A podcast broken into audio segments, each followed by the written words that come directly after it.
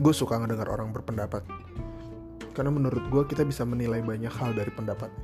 Misalnya pola pikirnya cara pandangnya ya mungkin paradigma yang dia pegang mungkin lingkungan sekitarnya mungkin juga nilai yang dia anut agama kepercayaan semuanya bisa dinilai melalui pendapatnya.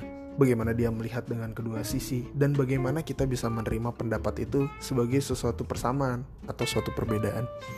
Bagi gue pendapat itu penting.